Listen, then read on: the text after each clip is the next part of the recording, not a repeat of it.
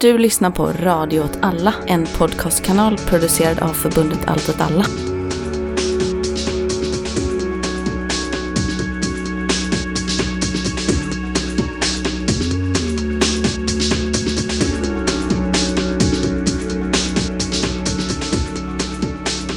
Hatar jämlikhet, tolerans, mänskliga rättigheter, politisk korrekthet, hyckleri, ignorans, förslavande religioner och ideologier, antidepressiva läkemedel, tv-såpor och dramaprogram, rapmusik, massmedia, censur, politiska populister, religiösa fanatiker, den moraliska majoriteten, konsumism, demokrati, pacifism, statsmaffian, alkoholister, tv-reklam, mänskligheten.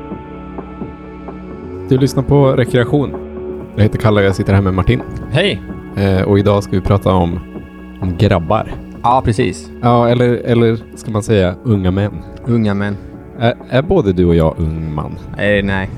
Ingen av oss är det. Jag tror jag är ung. Jag tror, Jag tror det är- jag, tror jag är en ung vuxen man. Jag tror det är 18 till 25 och sånt där som är ung man. Trist. Eh, och det här är faktiskt eh, avsnitt 10. Ja, gud vad härligt. Ett jubileum. Mm. Eh, och vi gör det som, som eh, till svar på valresultatet och eh, att, att folk var så, vad har hänt med unga killar? Exakt. Och då tänkte vi, det här har vi en massa saker att säga om. Mm. Och sen kom livet emellan. Och nu sitter vi här en, en månad senare nästan. Men det är, det är kul att det är avsnitt 10, för det är både ett jubileum men också ett misslyckande som vi tänkte släppa varje månad. Och nu har det gått ett år. ja, men jag väljer Och att ett år se, är 12 månader. Jag väljer att se den ljusa sidan. Eh, för att tiden är flytande än så. Exakt. Eh, att, att, eh, att jag ännu inte eh, erkänner klockan och kalendern.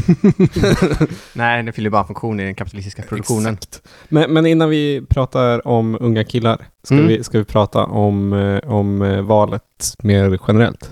Vi, vad, vad hade vi för spaningar innan valet? Mm. Det enda vi pratade om var att högerpopulismen hade sin st- sista sommar i bemärkelsen att eh, högerpopulismen som dynamisk rörelse är över. Nu är det bara parti med intern disciplin kvar. Mm. Och jag tänkte på det nu i dagarna när Rebecka Fallenkvist från Riks, Mm, som, som vi också nämnde i den pratan som ett exempel just på det här, eh, att, hon, att hon la upp ett så antisemitiskt skämt på Instagram. Mm. Eh, förstod troligen inte själv att det var det hon gjorde, utan hon trodde bara att hon drog ett lite rowdy skämt liksom. Och sen kom, kom, blev folk arga. Och sen blev Israels ambassadör väldigt arg. Och då var det bara kört. Eh, för nu, nu, nu ska eh, partiet vara eh, statsbärande. Liksom. Då kan man inte göra sig ovän med Israels ambassadör på grund av att man drar ett antisemitiskt skämt. Liksom. Det flyger inte. Nej, nej, det flög verkligen inte. Hade det varit för typ tre, fyra år sedan så tror jag typ att det hade gått. Eller alltså för tre, fyra år sedan så hade inte Riks funnits för att då fanns det en levande dynamisk högerextrem miljö som gjorde den typen av saker som de gör nu. Fast nu är det partiet själva som måste göra det liksom. Eh, så på så sätt är det annorlunda. Men även om Riks fanns för tre, fyra år sedan så tror jag att hon hade sutt- suttit säkert. Ja, För då hade det bara varit så. Det var ett, det var ett skämt. jag skulle tro att hon eventuellt kommer tillbaka också om, om ett tag. Jag tror det blir bättre. Ja, Alltså jag tror, att, jag tror också att, jag tycker också att hon är för dålig. Ja, hon är också invald ju i regionen. just det.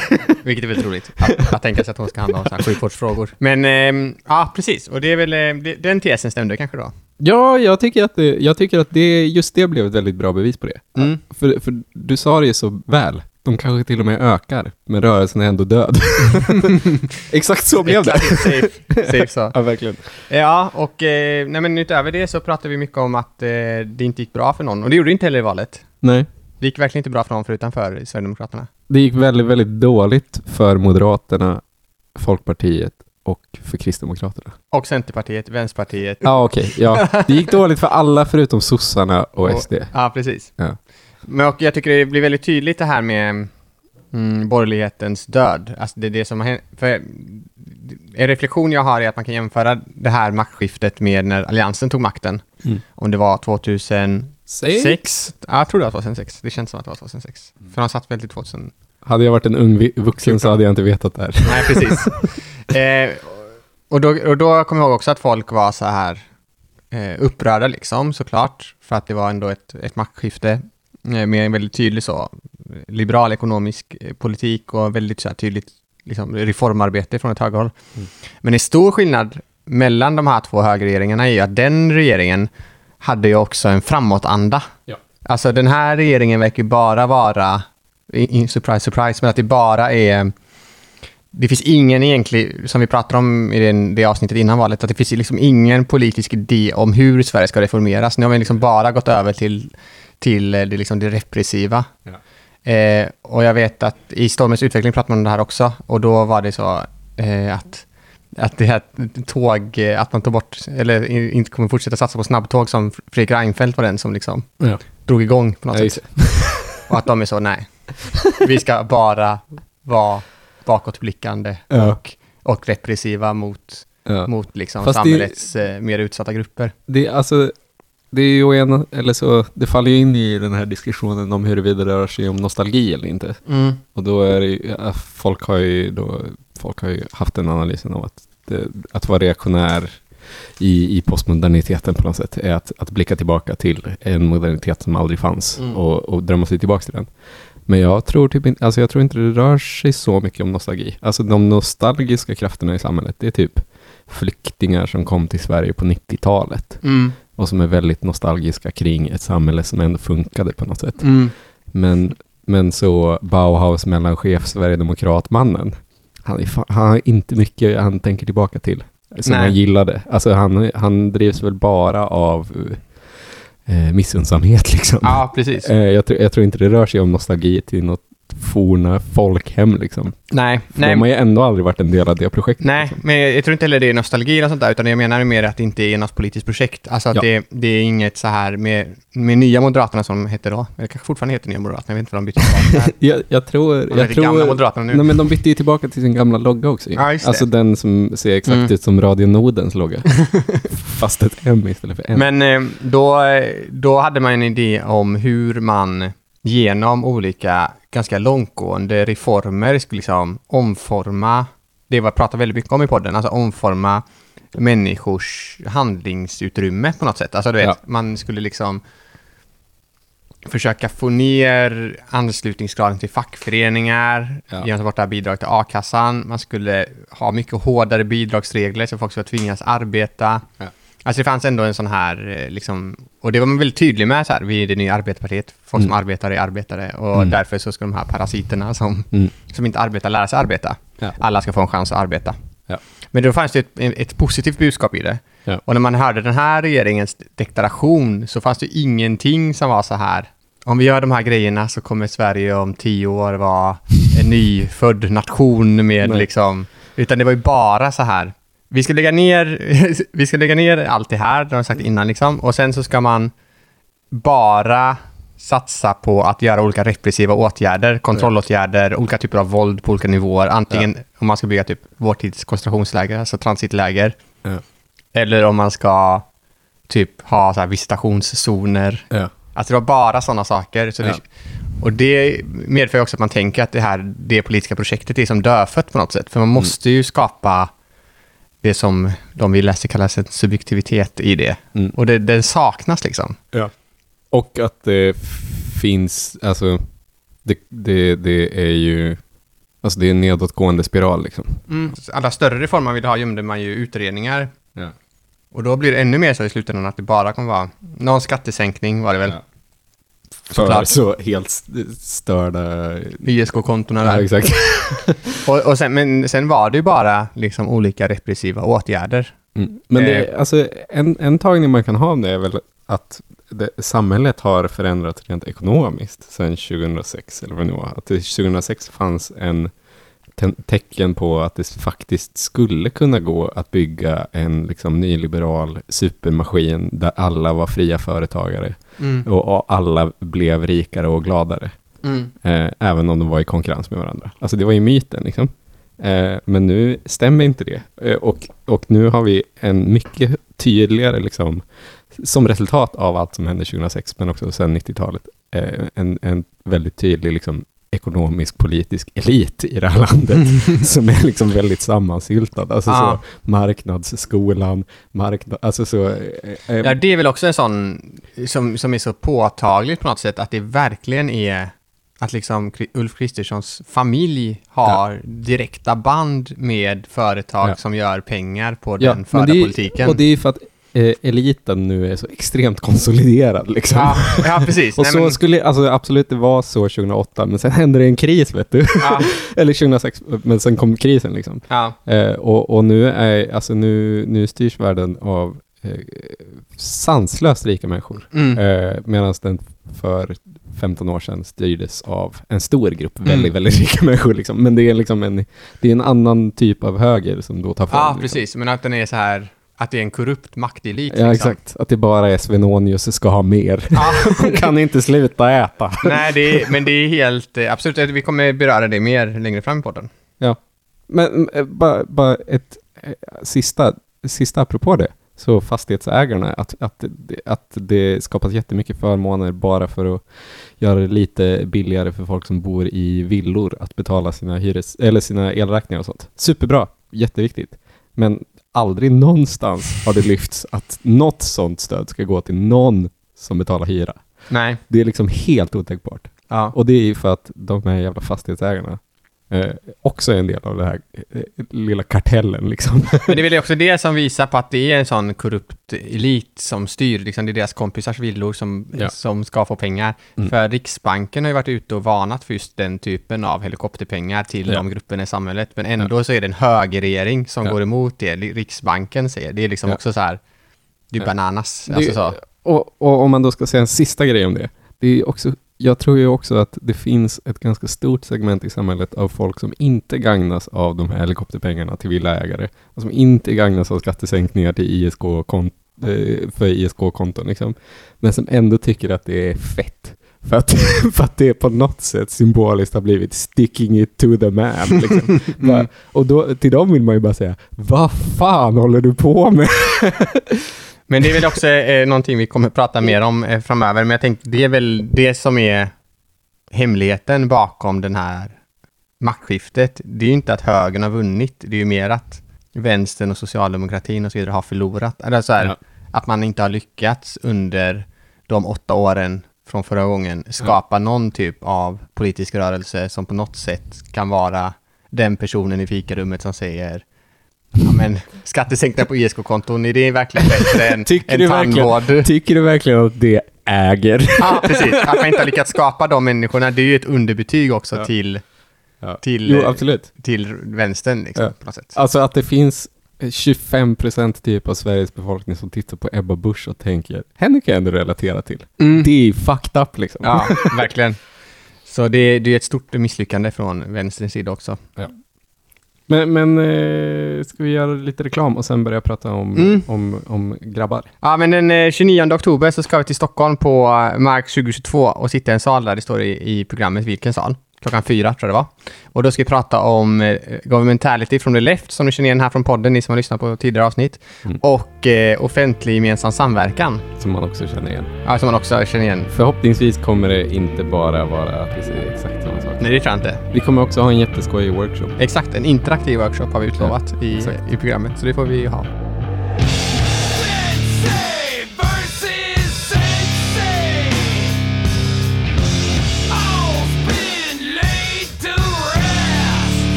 Jo, på eh, valnatten så först eh, så, så blev ju folk lite så här, åh, vad skönt, de vann inte.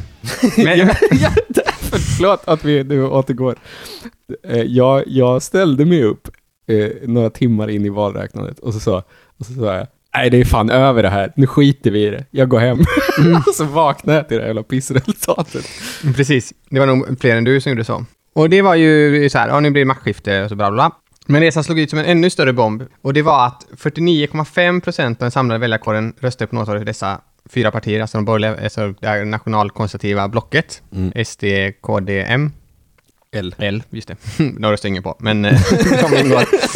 Eh, bland väljarna i åldersspannet 18-21 röstade 58 procent på samma alternativ. Alltså att eh, de unga i samhället, där fick vi svar också på vad en ung är. 18 till 21. Ja. Det är långt ifrån. Men, Eh, men det måste ju då vara ung så som i första gångs väljare. Ja, precis. Ja. Och det var ett historiskt svar på det sättet att det var en av de första gångerna som de borgerliga partierna på något sätt hade majoritet bland unga förstagångsväljare. Mm. Och det största det partiet som gick mest framåt av de här, det var Sverigedemokraterna. Mm. De tog hem ungefär 22 procent av de yngsta väljarnas röster. Om man då tittar på skolvalet Nu ska man med sig att inte alla skolor är med i skolvalet, men de som är med i skolvalet, där var det 61,5 procent som röstade på något av de här partierna. Man ska ju också ha med sig att i skolvalet så röstar ju folk på skoj. Precis, men innan man röstar på skoj så har man röstat vänster. Ja, men, men, men jag minns ju själv från Mm. att ha deltagit i skolval av olika slag. Det var ju inte så uppstyrt att det sen rapporterades till, till någon myndighet eller något. Okej, i dagens arena. Men då, då var det ju verkligen bara på skoj folk röstade. Men det här är också ett europeiskt mönster. Typ Marie Le Pen är, ett av de, är störst liksom bland unga av Mm. presidentkandidaterna i Frankrike. Mm. Och i Italien är det samma sak. Där är också liksom den här högerfascisten, hon är ju Mol- Meloni. Maloney. S- Vad fan heter hon? Meloni. Giorgio Meloni. Meloni, ja. För hon här gjorde den här sjuka reklamfilmen med två meloner ju. Väldigt italienskt. Det är humor. Det är humor. ja, och det här var ju så, för det finns ju ändå en sån idé i Sverige liksom att alla unga är vänster. Mm. Den har ju varit eh, på något sätt, eh, den är väldigt djupt rotad och man har liksom det här man kallar generation Greta, Mm. miljömedvetenhet. Innan dess var det ju Ja. Och det, och det, Fi och innan dess Ja. var det väl eh, utanpå vänstern kanske och innan dess var det ju hela det här 70-tals eh, Mm. galoppen liksom. Exakt. Och det har ju i hundra år varit en sanning att om, om du är, inte är vänster när du är ung så Har har du inget hjärta. Om du inte är höger när du är gammal. Har du ingen hjärna? Har du ingen Det hjärna. har man ju hört själv några Det- gånger. Ja. Men då, och det här var liksom så här, shit, vilken kalldusch. För då var det inte Ja. bara att högern har vunnit valen, nu har de vunnit liksom hjärtat hos de unga. Nu kommer Ja. de sitta för evigt. Ja. Och då har jag tömt internet. Men då var den första var ju, eh, som alltid, när en äldre generation försöker förstå ungdomar, så är man ju sig på de, de medierna som ungdomarna har. Innan var det ju videon. och, sen var det datorn. det är VHS som gör dem till satanister. Ja, men då var det ju videovåldet liksom. Varför, Ja. varför slår folk varandra på käften i Kungsan? Ja, men det är för att de kollar på videovåld. det, det är Ah. Stockholmsnatt. De har sett för mycket Ja, Stockholmsnatt. precis. Eller, ja, precis. Och, och sen var det ju eh, datorn liksom. De var Mm. inne och surfade på sjuka sidor. Mm. Eh, eller de lyssnade på Mel Manson var ju Colin Ja. Bryan-mördarna. till exempel.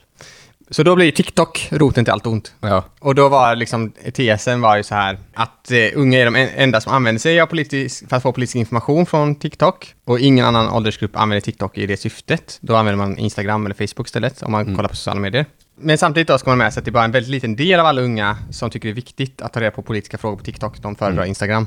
6% bara av förstagångsväljarna tyckte att TikTok var en viktig informationskälla till politisk information. Det var onda influencers liksom, som Mm. bara pumpade ut rasism. Det var en högerdominans och det var onda algoritmer som jobbade mot allt gott. Mm.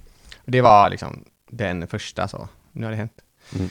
Högerns förklaring till det här, Mm. det var att de kallar generationen som röstar nu för generation förnedringsrån. och det bygger på en... Eh, Det är den här, ja förlåt, men det är den här konstigt så förnedringskåta högern. Ja, verkligen. Det är för konstigt. de är verkligen sjuka på det sättet. Alltså, det, det enda de vill är att, att det ska vara jättesynd om dem. ja, precis. Och särskilt andra liksom. Och sen att de gärna ska förkovra sig med det. Om det finns en film man gärna dela den på offer liksom. Åh, titta här när den här stackars killen utsätts för något fruktansvärt. ja, verkligen. Freaks. Det har skett en ökat antal eh, personrån. Det är ungefär eh, 0,2 procent som, eh, som enligt Brå då har blivit mer rånade innan. Men det är en ganska stor andel som uppger i sådana liksom, självuppskattade undersökningar, framförallt killar då, att de har blivit utsatta för rånförsök. Det händer ju uppenbarligen. Klassiskt resultat av ett hårdnande klassamhälle. Ja, precis. Jag tänker vi kommer till alla förklaringsmodeller, men ja, det är också så här. Jag tänker också att det är en governmentality liksom. Att, att även att kriminaliteten är inte opåverkad av samhällsstrukturerna. Det är en gammal tes. Ja. När polisen var så här, innan var det lättare att förstå kriminella, för de hade en, en grupp, Ja. ett kollektiv, Ja. eh, som eh, hade ett namn. De hade kanske en väst, hade en lokal, man visste precis vilka det var. Sen förändrades det, blev mer och mer nätverk. Och idag är det inte ens nätverk, idag är det så här enskilda individer som då och då gör business med varandra. Och sen, Singulariteter. precis, och skjuter varandra liksom. Så det är en sån total individualisering av kriminalitet. Och då finns det ett, ett kapital som man använder för att vara en framgångsrik kriminell. Och det är att få respekt hos andra. Och för att få respekt Mm. hos andra kriminella så måste man ha ett stort våldskapital själv. Ja. Så då blir ju också våldet man utsätter andra för mycket grövre, Ja. tänker jag. Alltså att det måste man visa att man är bäst på förnedringsrån ja, exakt. och sådär. Eh, och det finns jättebra så här, dokumen- eh, radiodokumentärer på P1 som hette typ Den som skjuter, han som blev skjuten, anhöriga. De intervjuar just sådana eh, killar som rör sig i en sån miljö och hur de, jag rekommenderar verkligen det. För då förstår man liksom hur det här entreprenöriella tänkandet även är ett tänkande inom kriminella miljöer. Ja. Så absolut, det är Ens humankapital är ju hur mycket, hur gränslös man är liksom. Exakt, och det är det som gör så att inte folk blåser den, trampar Ja. den på tårna liksom. Och det är därför folk måste hela tiden, måste och måste, men det är därför folk skjuter människor som raggar på en tjej, kollar Mm. snett på en, för att man hela tiden måste upprätthålla en bild av att vara den Mm. kungen av, Mm. av de kriminella liksom. Och då måste man ha, och eftersom man inte har ett gäng, Mm. så sitter inte ens våldskapital i det gänget, utan det sitter i dig som person. Så du måste alltid visa dig vara den tuffaste. Ja. Och sen var den tredje, det var den här. Ungdomsrevolt. Sprängkraften i att rösta på Sverigedemokraterna som ett sätt att provocera vuxenvärlden. Det är så konstigt. Och det var en forskare som sagt det här. Men hon tror också att det finns starka ekonomiska incitament. Och det är för att epa-traktorer är stort bland unga. Och därför så vill de ha lägre bensinskatt. Men, båda, de här, båda de här förklaringsmodellerna känns riktigt Mm. dåliga. Men Alltså, nu, nu kommer någon som är som dig. Ja. Kanske inte är någon högervåg alls. Där är dagens arena. Till exempel är ju NATO-motståndet störst bland unga män. Och Vänsterpartiet är otroligt starka bland unga kvinnor. Ja. Som är den som är, gruppen som är mest kritisk information på sociala medier. Mm. Samtidigt som tillbringar mest tid där. Mm. Eh, och i Domoskops opinionsundersökningar ser man ingen högerval bland yngre. I opi- opinionsundersökningar där den vågen är tydligast har man tillskrivit skolval stor betydelse. Men skolval hålls bara i ungefär hälften av alla skolor och inte särskilt tillförlitliga när man ska bedöma vad tonåringar där faktiskt kommer rösta på om några år. Mm. Bra. Och, och dagens arenas lösning var Vänstern borde prata om vanlig, med vanliga löntagare. Ja. Wow. Ja, och med barn är också människor. Ja, alltså att de har liksom politiska åsikter som kanske avspeglar Ja, exakt. Eh, sen finns det en annan eh, som också som nuddar lite det generationella tänkandet kring politik. Det är ju att människor röstar och, och tycker politiskt i, i väldigt hög utsträckning samma politiska åsikter som ens föräldrar. Ja. Eh, vilket gör att den högervågen som var, alltså den högervågen som var på 90-talet, Mm. de barnen Mm. Som föddes liksom efter den högervågen, när de, de här människorna var unga, typ Mm. unga skinheads, du vet, som Ja. misshandlade folk på plattan, de har ju barn nu, Ja. eh, som är i den här åldern. Skrämmande tanke. Ja, precis. Och de barnen då kan vara liksom, Ja. det är en sån... Det, det, tror ju jag är den, den teori som ligger närmast sanningen, men också den som är absolut tråkigast. Ja, Eh. precis. Men min, min tagning är väl att alla, om vi bortser från TikTok då, Ja. för det är också en, en tro på att, att, att dels är det en, en dålig förståelse av vad sociala medier är. Sociala medier är bara en avspe, alltså det är bara en förlängning av samhället. Det är liksom Mm. ingenting som varken eh, lever autonomt från samhället eller påverkar samhället, utan det är Mm. mer bara en avspegling av vad som händer i samhället. Nej, alltså, och i jag, skulle inte säga, jag skulle inte säga att det är en avspelning, jag skulle säga att det bara är samhället. Ja, precis. Det är bara samhället. Det är, Ja. eh, exakt. Det är bättre att säga så. Det är bara samhället och att det som händer... Och då, men jag tycker det är viktigt att komma ihåg då att de här olika liksom, mediekanalerna har ju olika segment. Mm. Så det som TikTok representerar är ju det segmentet som är på TikTok snarare än något Ja, annat. Liksom. Exakt. Eh, och eh, det, den idén om att bara, bara man pumpar in tillräckligt mycket content på valfri... Innan var det ju Facebook. Mm. De var upprörda över rasister på Facebook. Sen Mm. var det ju Twitter, sen var det Instagram och nu är det TikTok. Liksom. Då eh, så kommer man förändra människors inställning till politiska skeenden och så är det ju Mm. inte. Nej. Så den, den faller ju bort. Och sen framförallt, eh, så folk har ju en liksom konspirationsteoretisk inställning till sociala medier och hur människor påverkas av sociala medier. Att det är att man bara suger upp innehåll. Eh, och om man förändrar det innehåll som folk sitter där och suger upp så borde det förändra liksom, människorna. Men det som är det så himla smarta med sociala medier, det är ju att innehållet skapas av användarna. Eh, så det är ju liksom, alltså, lö, eh, så det, det är därför det bara är en, inte en spegling, inte en förlängning, utan det är bara samhället. är ju för att det, det som läggs upp på TikTok är ju också, eller ses ju av folk som gillar samma sak som den som la upp det. Mm. Sen är det klart att det går att manipulera på samma sätt som det går att manipulera människor generellt. Ja, exakt. Precis. Så den, det är väl den som faller bort. Men om man ska försöka förstå det här med de här glasögonen vi har valt att ha i den här podden, Mm. eh, så tänker jag att det finns ett antal olika saker. Dels då, så tror jag inte det går att förstå den här högervågen utan att förstå förändringen av eh, samhällets produktion. Wow. Low-hanging fruit, I ain't your average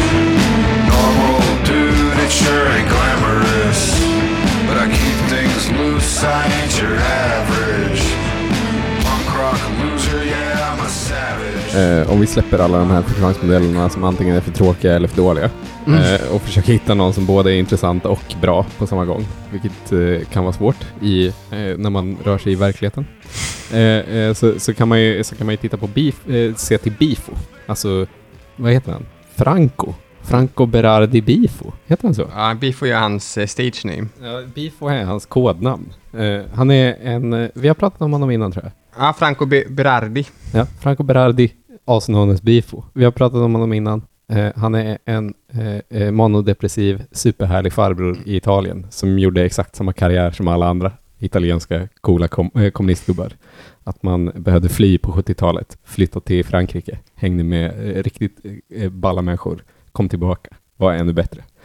Eh, men han, han, han har ju intresserat sig just för psykologi, hur liksom psyket påverkas av den nyliberala liksom, ackumulationsregimen och liksom övergången till immateriellt affektivt arbete.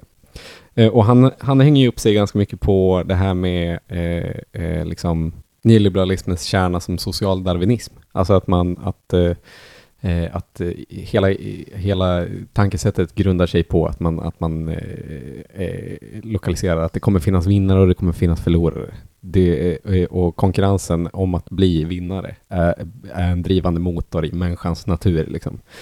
Eh, och och, och den, den naturen måste uppmuntras i så hög Mm. utsträckning som möjligt. Och det, det har vi pratat om, in, om innan, det är också väldigt bekant till Maurizio Lazzarato till exempel och så vidare. Men det eh, Bifo då tittat på specifikt är hur detta påverkar liksom individen.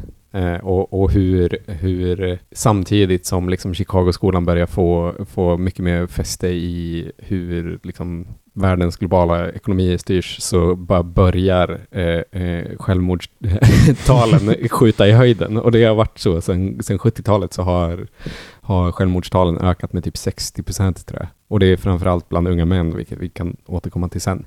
Eh, men, men eh, och, och, och Bifo tittar även i, i boken Heroes tittar han på det specifika exemplet med, med skolskjutare och så massmördare som lämnar manifest. Så har han tittat på vad skriver de i sitt manifest. Så är det, och så visar sig att det är alltid just den här socialdarwinismen som liksom blir, eh, blir nyckeln för att förstå dem allihopa. För att det är så typ Columbine-mördarna, de, de är så Eh, vi, vi, ha, ha, någon av de killarna som gick in på Han har Columbine natural selection t-shirt på sig. Ja, exakt. det, blir, det blir liksom parodiskt. Men, men de, de har ju den här idén, de här massmördarna, om att de är liksom eh, de är bättre, de borde vara vinnare, men, men de befinner sig i ett samhälle som har sett till så att de blir förlorare, och det är orättvist. Och, och, och det tänker jag är en ganska bra förklaringsmodell för att för- förstå de här massmördarna, men Bifo är ju framför allt intresserad av, av en, en mer generell förståelse av liksom det mänskliga tillståndet i nyliberalism. Just det här, vad, vad det gör med en människa att vara eh, en förlorare som är, blir matad med vetskapen om att de, det är deras eget fel, att de inte är vinnare. Liksom. Mm. Och, och då tänker jag, om jag då ska ha en, en spaning om valresultatet, och, och det här är samma spaning som jag haft kring Sverigedemokratiska väljare som är unga män hur länge som helst. Nu är de bara lite fler, troligen för att deras föräldrar är nazister. Eh, men, så nu är de bara lite fler liksom. Eh, Men sen kommer de bli lite färre. Men, men jag, jag eh, skulle säga att det har varit samma sak i typ tio år. Det är killar som absolut inte är förlorare på det stora hela. Det är inte synd om dem i regel. Eh, utan de kommer från relativt välbärgade liksom, hushåll. Så eh, småstadsmedelklass liksom. Eh, men de är förlorare politiskt. Alltså de har varit förlorare politiskt. Eh, och de är framförallt inte några vinnare, för, för det finns så extremt få vinnare. eh, det, för det är det som är, det är, myten är ju att det finns ett ganska stort segment vinnare och sen ett lite större segment av förlorare. I verkligheten så är vi alla förlorare, förutom den här lilla eliten som vi pratade om innan. Liksom. Så, så, för, eh, så om du, din pappa är Bauhaus mellanchef, du är kanske snickare eller någonting absolut, jag skulle säga att du i regel har det bättre än de flesta, liksom, troligen. Du, du upplever ändå en oförrätt. Liksom. Du Mm. vill vara en vinnare. Eh, du vill vara en vinnare på det sättet du har lärt dig att man kan vara. Eh, alltså den här entreprenöriella. Liksom. Mm. Eh, och då ett sätt att liksom få leva ut den fantasin och det begäret blir ju då att få sätta dit folk och Precis. att rösta på ett parti som sätter dit dem åt dig. Att, att det är liksom bara revanschlust liksom för en förlust som du har blivit lärd att du har orsakats. Liksom. Men om man ser på det stora hela så är du inte en förlorare, utan du har det troligen helt okej. Sen finns det, eh, i de här massmördarnas exempel, så blir det ju då folk som faktiskt är förlorare på många olika sätt. Oftast. Sen finns det ju massa exempel på när det inte stämmer. Men så typ Columbine-mördarna var ju mobbade. Mm. Alltså det var ju synd om dem på många sätt. Liksom. Och de är ju bara ett extremt exempel på samma sak. Så om du då tar någon som inte är en förlorare enligt alla objektiva mätningar, men som ändå upplever sig som en förlorare. vad gör den då? Jo, men den blir Sverigedemokrat. Liksom. Precis. Jag, jag tänker, ja, men just för att försöka också förklara den politiska eh, läggningen, så att säga. Att de, att de just väljer att sparka neråt istället för uppåt. För det är, Mm. det är väl lite det man kan göra med den här tesen då, som Bifo för fram. Och då tror jag att ett, eh, det är ett väldigt bra begreppspar från Deleuze och Guattari som man kan förstå det här med. Då pratar de, de pratar ju ofta om någonting som heter detralisering och retural, Reterritorialisering. Reterritorialisering och eh, deterritorialisering. Och deterritorialisering, det är ju att man gör geografiska, sociala rum släta. Mm. Så i den här bemärkelsen skulle det kunna vara då att eh, kapitalismen verkar då som en finanskraft, vilket innebär att de sliter sönder och slår ner Mm. eh, mä- mänskligt liv. Liksom. Man upplöser olika identiteter. Det är inte lika Mm. viktigt längre att vara europé. Det är inte lika viktigt längre att vara man. Det är Mm. inte lika viktigt längre att vara straight. Nej. För kapitalismen behöver liksom inte de, eh, de hindren, eller kanske till och med är någonting som är i vägen för kapital, kapitalackumulation för finanskapitalet. Ja. Nu låter ju finanskapitalet som en magisk kraft där, vilket det kanske är. Ja. Men eh, då eh, kan man ju tolka det här som en reaktionär reterritorialisering. Alltså Mm. det vill säga att det finns en grupp människor som är verkligen, som förstår det här skeendet som att de, som du säger, verkligen att de är förlorare av det. ja. Och de förklar, det förklaringsmodellen som blir då är eh, ett sätt att försöka skapa de här gamla identiteterna igen. Alltså Mm. att man... För det enda man har kvar egentligen, Mm. eftersom fabriken är nedlagd, Mm. så man kan inte ha samma jobb som eh, ens farsa hade liksom. Mm. Man måste flytta från sin by, Mm. men det gör man inte för man är kille, så man tar inte tag i någonting. men där finns liksom inga jobb kvar, för de har Mm. försvunnit i någon utförsäljning, av något, Ja. de har flyttat produktionen till Ja. Asien, man har liksom eh, deterritorialiserat bygden på något sätt. Ja. Och det kan man verkligen gjort ju Ja. i, i, på, i, utanför storstäderna i Sverige på något sätt. Har man ju det. Ja. Och i storstäderna för den delen med. Och, och då har man ju bara en sak kvar som är någonting av värde. Och det är Mm. den identiteten som tillskrivs tidigare i samhället till dig. Som Mm. gav dig den här rätten till ett jobb, en Mm. tjej, Ja. en bil. Ja. Och det var väl att du var då en vit kille Ja. i dina bästa år. ja, ja I. Eslöv liksom. Men, men, det, men när, man, när man säger det, ja, det tror jag stämmer, men när man säger det, då, då implicerar man på något sätt att, det, att eh, de, de unga män som röstar på SD till exempel, att det, att det är folk som är, det är synd om. Nej, men jag tänker mer, nej, men ja, jo det gör det ju såklart. Men jag tänker mer att det inte är synd om dem, men att det är den, de deterritorialiseringsprocesserna som har skett, det är de känslorna som skapas. Absolut. Jag, jag, tror så. ju inte, jag tror inte att de, eh, alltså jag tror att de som faktiskt är drabbade av de, den typen av processer, det skulle jag säga i huvudsak är representerade, eller överrepresenterade bland folk som inte röstar. Snarare än Ah. något annat. Jo, och, men samtidigt så har ju SD också ganska starkt stöd i folk som är beroende av olika, så, men det Ja, här är en längre diskussion, med socialförsäkringssystem och så också. Men jag tänker ändå att det är ett sätt att, att förstå liksom, de sociala konsekvenserna Mm. av att produktionen då har gått från att eh, producera varor till att börja producera affekter Ja. och Jo, men, symboler. men för där, där tror jag också att du, när, när, man, när man pratar om, eh, alltså folk har pratat om den liksom immateriella produktionen som en, en feminiserad ekonomi, citattecken. Alltså att det är att färdigheter som historiskt sett har varit kopplade till, eller varit det, det kvinnor har varit bra på. Mm. Eh, och, och liksom yrkesroller som kvinnor historiskt har haft har blivit mycket viktigare idag. Alltså att typ eh, som, som, eh, som eh, person som jobbar med vad som helst så måste du, numera vara socialt kompetent. Ja. och liksom empatisk och liksom sälja upplevelser och vara, vara service-minded och sådana saker. Eh, eh, och det är ju saker som killar inte har behövt vara tills väldigt, väldigt nyligen. Nej, och, Alltså, att, och, och- att man måste idag ha en annan typ av utbildningsnivå än tidigare. Ja. Och där har du, får du ju rätt då av, av forskning då, som visar typ att kvinnor är i hela, i större delen av västvärlden så har kvinnor en högre utbildningsnivå. Ja. Så kvinnor, sam, arbetande kvinnor samlas i ett, ett brett spektrum i någon form av liksom medelklass, mellanskikt på något sätt. Mm. De allra rikaste är män, de allra fattigaste är män. Ja. Däremellan är kvinnor liksom. Ja. Så att det Förutom ensamstående morsor såklart. Ja, exakt. Men det är klart, det är, det är inte generellt så för alla. Nej. Men att det finns en, en sån trend liksom.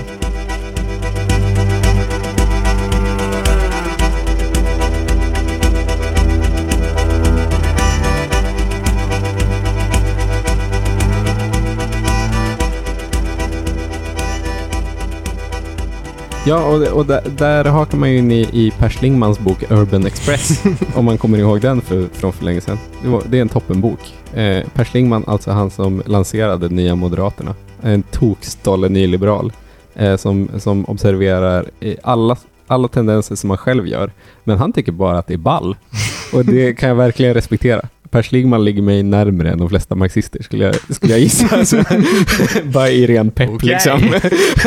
Men han, han, han, i, i Urban Express eh, är de ju så, det är en handbok för hur man ska hantera den här nya världen. Där, där storstäderna, eller där städer utgör mer än 50 procent av befolkningens eh, hemorter. Liksom. Och, och där eh, eh, all, eh, den starkaste tendensen till, till framtidens produktion är just immateriell affektiv. Och därför så blir kvinnor mycket mer fram, framgångsrika än män i regel, är, är deras liksom spaning. Eh, och, och, och tipsen är mycket så, eh, eh, var inkännande, var redo att experimentera och sådana saker.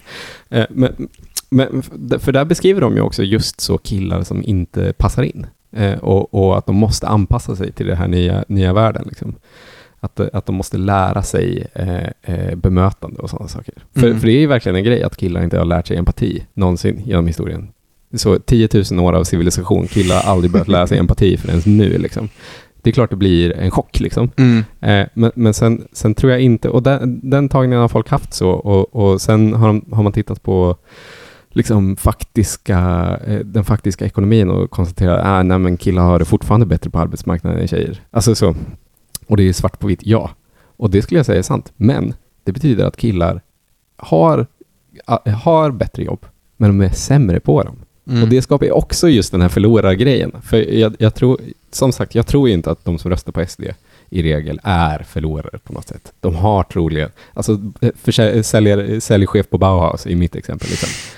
Eh, det är ju en person som i sitt yrke måste vara empatisk. Han har, han har, han har folk som är anställda som man måste liksom styra över, som man måste vara empatisk mot. Han får kunder som man måste vara empatisk mot. Hela hans jobb är ju bara att vara en affektmaskin. Liksom. Men han kan ju inte, för han är kille. Liksom. Så han, men han har ändå det jobbet av någon Mm. jävla anledning. Liksom. Eh, Så då måste ju då, det blir ju en sån total jävla stress. Och då måste man ju få känna sig vinnare på något annat sätt. Och därför röstar man på SD. Liksom. Absolut. Även då, man, eh, det är väldigt många förlorare som röstar på SD också. Men det är absolut, och det är väl också det som blir så här den... den om då liksom incelkultur, alltså att kvinnohat på internet och... Eh, eller typ SD liksom ena sättet att försöka liksom som kille hantera Mm. Det, det nya ekonomiska läget på något sätt. Mm. Så är ju andra änden av de sätten som är utanför liksom, de traditionella politiska organisationerna, det är ju den här fruktansvärda killsjälvhjälpsgruppen också, Ja. som du säkert stött på. Ja. Ja, det, det var några år sedan framförallt så var det väldigt stort med liksom, killar som skulle åka ut i skogen och Mm. prata känslor. Och, då, och det blir på något sätt att de- skulle förbättra sitt humankapital, att liksom Ja, komma närmare eh, sina. Känslor på det sättet blir Killarna, bättre. lyck- killarna killar, liksom. lyckades fucka upp empati. alltså så, så dåliga är de. Ja. Men, ehm, ja, men, men båda liksom de här sidorna är ju på något sätt ehm, sätt att försöka rädda liksom det som är den klassiska mannen från en så här fordistisk era liksom. Mm. Ja, Den det- Breadwinnen, liksom, den här starka patriarken, hela den Ja. grejen, som är någonting som hör till det förgångna. Mm, Det, det finns ju ganska bra forskning just på hur eh, folk i öst, forna Östtyskland röstar idag eh, och, och visar ganska tydligt just den här tydliga kopplingen mellan avindustrialisering i forna DDR till eh, Alternativ för Tysklands eh, framväxt. Eh, och, och man utgår ju då ifrån den här teorin om att du går ifrån ett land där, där den manliga arbetaren är, är liksom helt central för hela nationens bygge. Liksom. Om du tittar på DDR-propaganda så är det ju en, en svål eh, vit kille som, som hamrar på någonting. Liksom. Och sen, du går ifrån det till eh, industrinedläggning när, när Tyskland återförenas eh, på grund av massa olika saker, både globalt men också liksom, nationellt. Eh, och, och, och, det vis, eh, och, och de här männen liksom tappar den centrala rollen.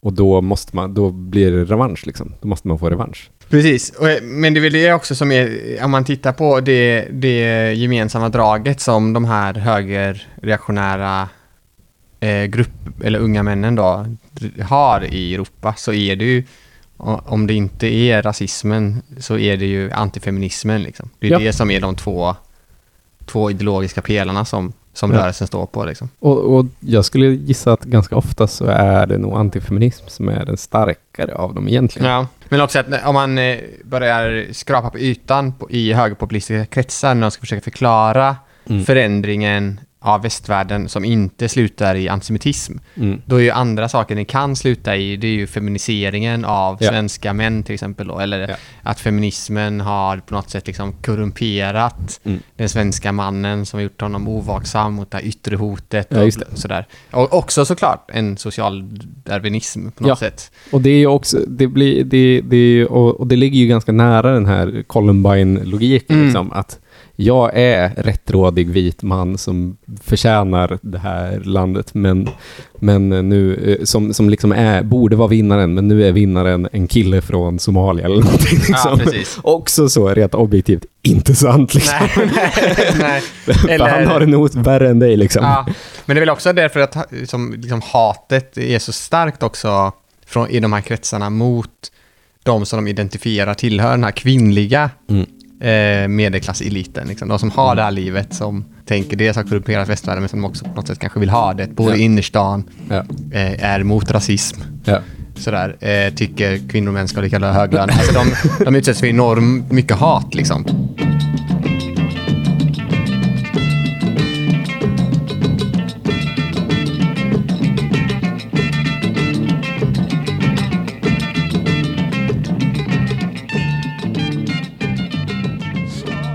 Unga killar kanske inte är en del av en högervåg. Eller absolut, det kanske är någon liten skvalp liksom. Men det är nog inte någon högervåg. Men vi, vi kan nog ändå se tecken på eh, en liksom generation nihilism. Liksom. Alltså, Mm. alltså folk som inte tror på samhället och som drivs av helt andra drivkrafter än vad tidigare generationer har drivits av. För det, den tendensen kan man ju även se i, i andra opinionsundersökningar. Alltså att folk är mer och mer intresserade av eh, personlig karriär och sådana saker än någonsin innan. Eh, och, och det har vi ju pratat om tidigare som en väldigt skräckinjagande faktor. att dagens ungdom bryr sig om eh, sin fram, eh, sitt, eller så tror, in, tror att samhället kommer kollapsa men de tror att de själva kommer nå framgång. Liksom. Eh, så, så det kan vi ju prata om. Alltså vad är lösningen på, på den generationen? Mm. Det så måste nog hitta på det själva i första svaret, tänker jag. Eh, men ändå så, om man pratar om... Eh, Mark Fisher skrev en väldigt bra bok som finns på svenska som heter eh, Kapitalistisk realism. Mhm. Finns den på svenska? Ja. Varför har man då läst den på engelska? Det var jävligt Jättekonstigt gjort. Jag tror den kostar typ 150 spänn för att. Ah, skitsamma. Den är ganska billig också. Den är skitbra. Men den handlar ju om liksom hur psykiskt illamående, eller illamående, vad heter det? Psykiskt eh, obefinnande, alltså att man mår dåligt helt enkelt psykiskt. Mm. Hur det är ihop med eh, det här slutet av världen, kapitalismen liksom. Just Att det det. inte finns någon positiv framtid. Mm. Eh, så folk bara stressar ihjäl istället för att liksom försöka nå mål som de aldrig kan nå för de tillhör också en generation som är helt fucked. För Mm. att de inte får några jobb, de får inga bostäder och sådär. Mm. Och Mark Fisher är brittisk teoretiker. Ja, precis. Eh, väldigt nära den brittiska radikala vänstern. Ja, han är väl en sån gammal autonom head liksom. Mm. Det är han som myntade uttrycket acid communism också. Ja, exakt. En hjälte. Men, ehm, och hans lösning, eller han presenterar ingen lösning där, men man kan väl, vad jag kommer ihåg, men man kan ändå tänka att liksom den lösningen på en individuell, individuell sorg är en kollektiv eh, sorgarbete. Mm. Men det handlar om att inte sluta de här fruktansvärda men mans självhjälpsgrupperna som åker ut i skogen. Du menar att vi känslor. inte ska gå ut och bygga totempålar? Nej, precis. Och liksom försöka hitta sin naturliga, mjuka manlighet. Utan jag tror det handlar mer om att man måste skapa så här, sammanhang där man försöker reproducera andra värden som är så här, som returaliserar kanske ingenting egentligen, men det är fel ord i sammanhanget, men som skapar andra typer av kollektiva identiteter som innehåller någon typ av hopp. Att Mm. man måste skapa någon som har hoppfull identitet av att vara ung. Mm. Eh, så att det är väl lite där också som typ miljörörelsen kanske har gått vilse lite också för att de är så mycket så, de har ju rätt såklart, men att världen håller på att gå under imorgon, så det blir lite samma sak av nihilism liksom, Ja, på ett exakt, sätt. exakt. All, vi kan, vad som helst nu, jag kan limma fast mig på hur många motvägar som helst, för det, det spelar ingen roll, för världen kommer gå under imorgon om vi inte gör någonting nu, nu, nu, nu. Ja. Men jag, jag tror det kommer, att det kan behövas istället att man har en positiv vision och kraft framåt där man liksom just söker eh, kollektiviteten. Och då finns det ett begrepp som vi har pratat om i tid, för länge sedan när den boken kom som heter kollektiv joy som handlar just om det att försöka eh, gå från den liksom ensamma glädjen till den gemensamma glädjen. Alltså vad, vad är det för värden som man tillsammans kan skapa som gör en glad? Mm. Liksom. Ja, för, för det är väl det som är grejen med grabbighet historiskt, är att eh, historiskt har grabbar varit de som sysslar med kollektiv joy. Alltså så typ om ni tittar på fotbollsklackar, Ja. alltså så, det är ju killar som, som historiskt har bara eh, drivits helt av lust tillsammans i stora gäng liksom. Mm. Eh, och, och alla de grejerna eh, håller ju lite på att dö. Men också typ att folk, nu, nu går inte jag på fotboll överhuvudtaget, men min bild är att, det, är att folk mer och mer deltar i klacken genom att liksom, eh, försöka hä- framhäva sig själv. Liksom. Mm. Mer än någonsin innan. Och att det är liksom väldigt störigt. att, att, det, att den här tidigare gemensamma grabbkulturen nu bara blivit ett individuellt uttryckssätt. Liksom. Eh, bara som ett exempel på det. Och där, eh, så gå på hårdrocksspelningar har jag gjort mycket. Och där har det alltid funnits en tendens till just så killar som, som eh, tar den här gemensamma produkten och gör den till sin egen och ska vara coolast på plats. Liksom. Ja. Och jag, jag skulle säga utan tvekan, ju, för varje dag som går, desto störigare är de på spelningarna. Men det är, väl det, det är väl det som det handlar om, att eh, hitta, och då- kanske framförallt att det inte ska vara könssegregerat. Ja, just det. kan nog vara en viktig poäng då, för det verkar inte gå så bra Nej. för män i grupp. Men eh, att man eh, försöker hitta liksom, produktiva, kollektiva eh, sammanhang som på något sätt kan skapa hopp i en ganska hopplös tid. Det Mm. tror jag är ett sätt att hantera den här tiden. Mm. Och sen så, så ett medskick också, så kan man ju tänka att för rent objektivt, så om man kollar på de objektiva faktorerna, om man Mm. liksom sätter på sig den väldigt tråkiga mark- mar- marxisthatten så, Mm. och, och kanske är med i en liten grupp och startar ett nytt revolutionärt parti, så är ju liksom förutsättningarna för en vänstergeneration har ju aldrig varit så bra som de är nu på Nej. pappret. Nej. Men jag tror att man måste, alltså politik handlar om att övertala, övertala folk, människor liksom, Mm. både genom att prata med dem men också genom handling liksom. Så att ett Mm. sätt för vänstern att bryta dödläget i en ung generation kan just vara att hitta tillbaka till eh, att försöka skapa de här kollektiva, Mm. gemensamma plattformarna för produktivt skapande liksom, som Ja. ger en hopp. Typ. För- det är det som är en av lösningarna. För det, det finns ju en väldigt stark unik selling point för just kollektiv glädje och det är ju att den är bättre än Ja. individuell glädje. Alltså att det, eh, det är Spinozas glädjebegrepp liksom. Att, att, eh, att glädje är när du känner hur dina potentialer eh, expanderar av att du Precis. befinner dig i en situation liksom.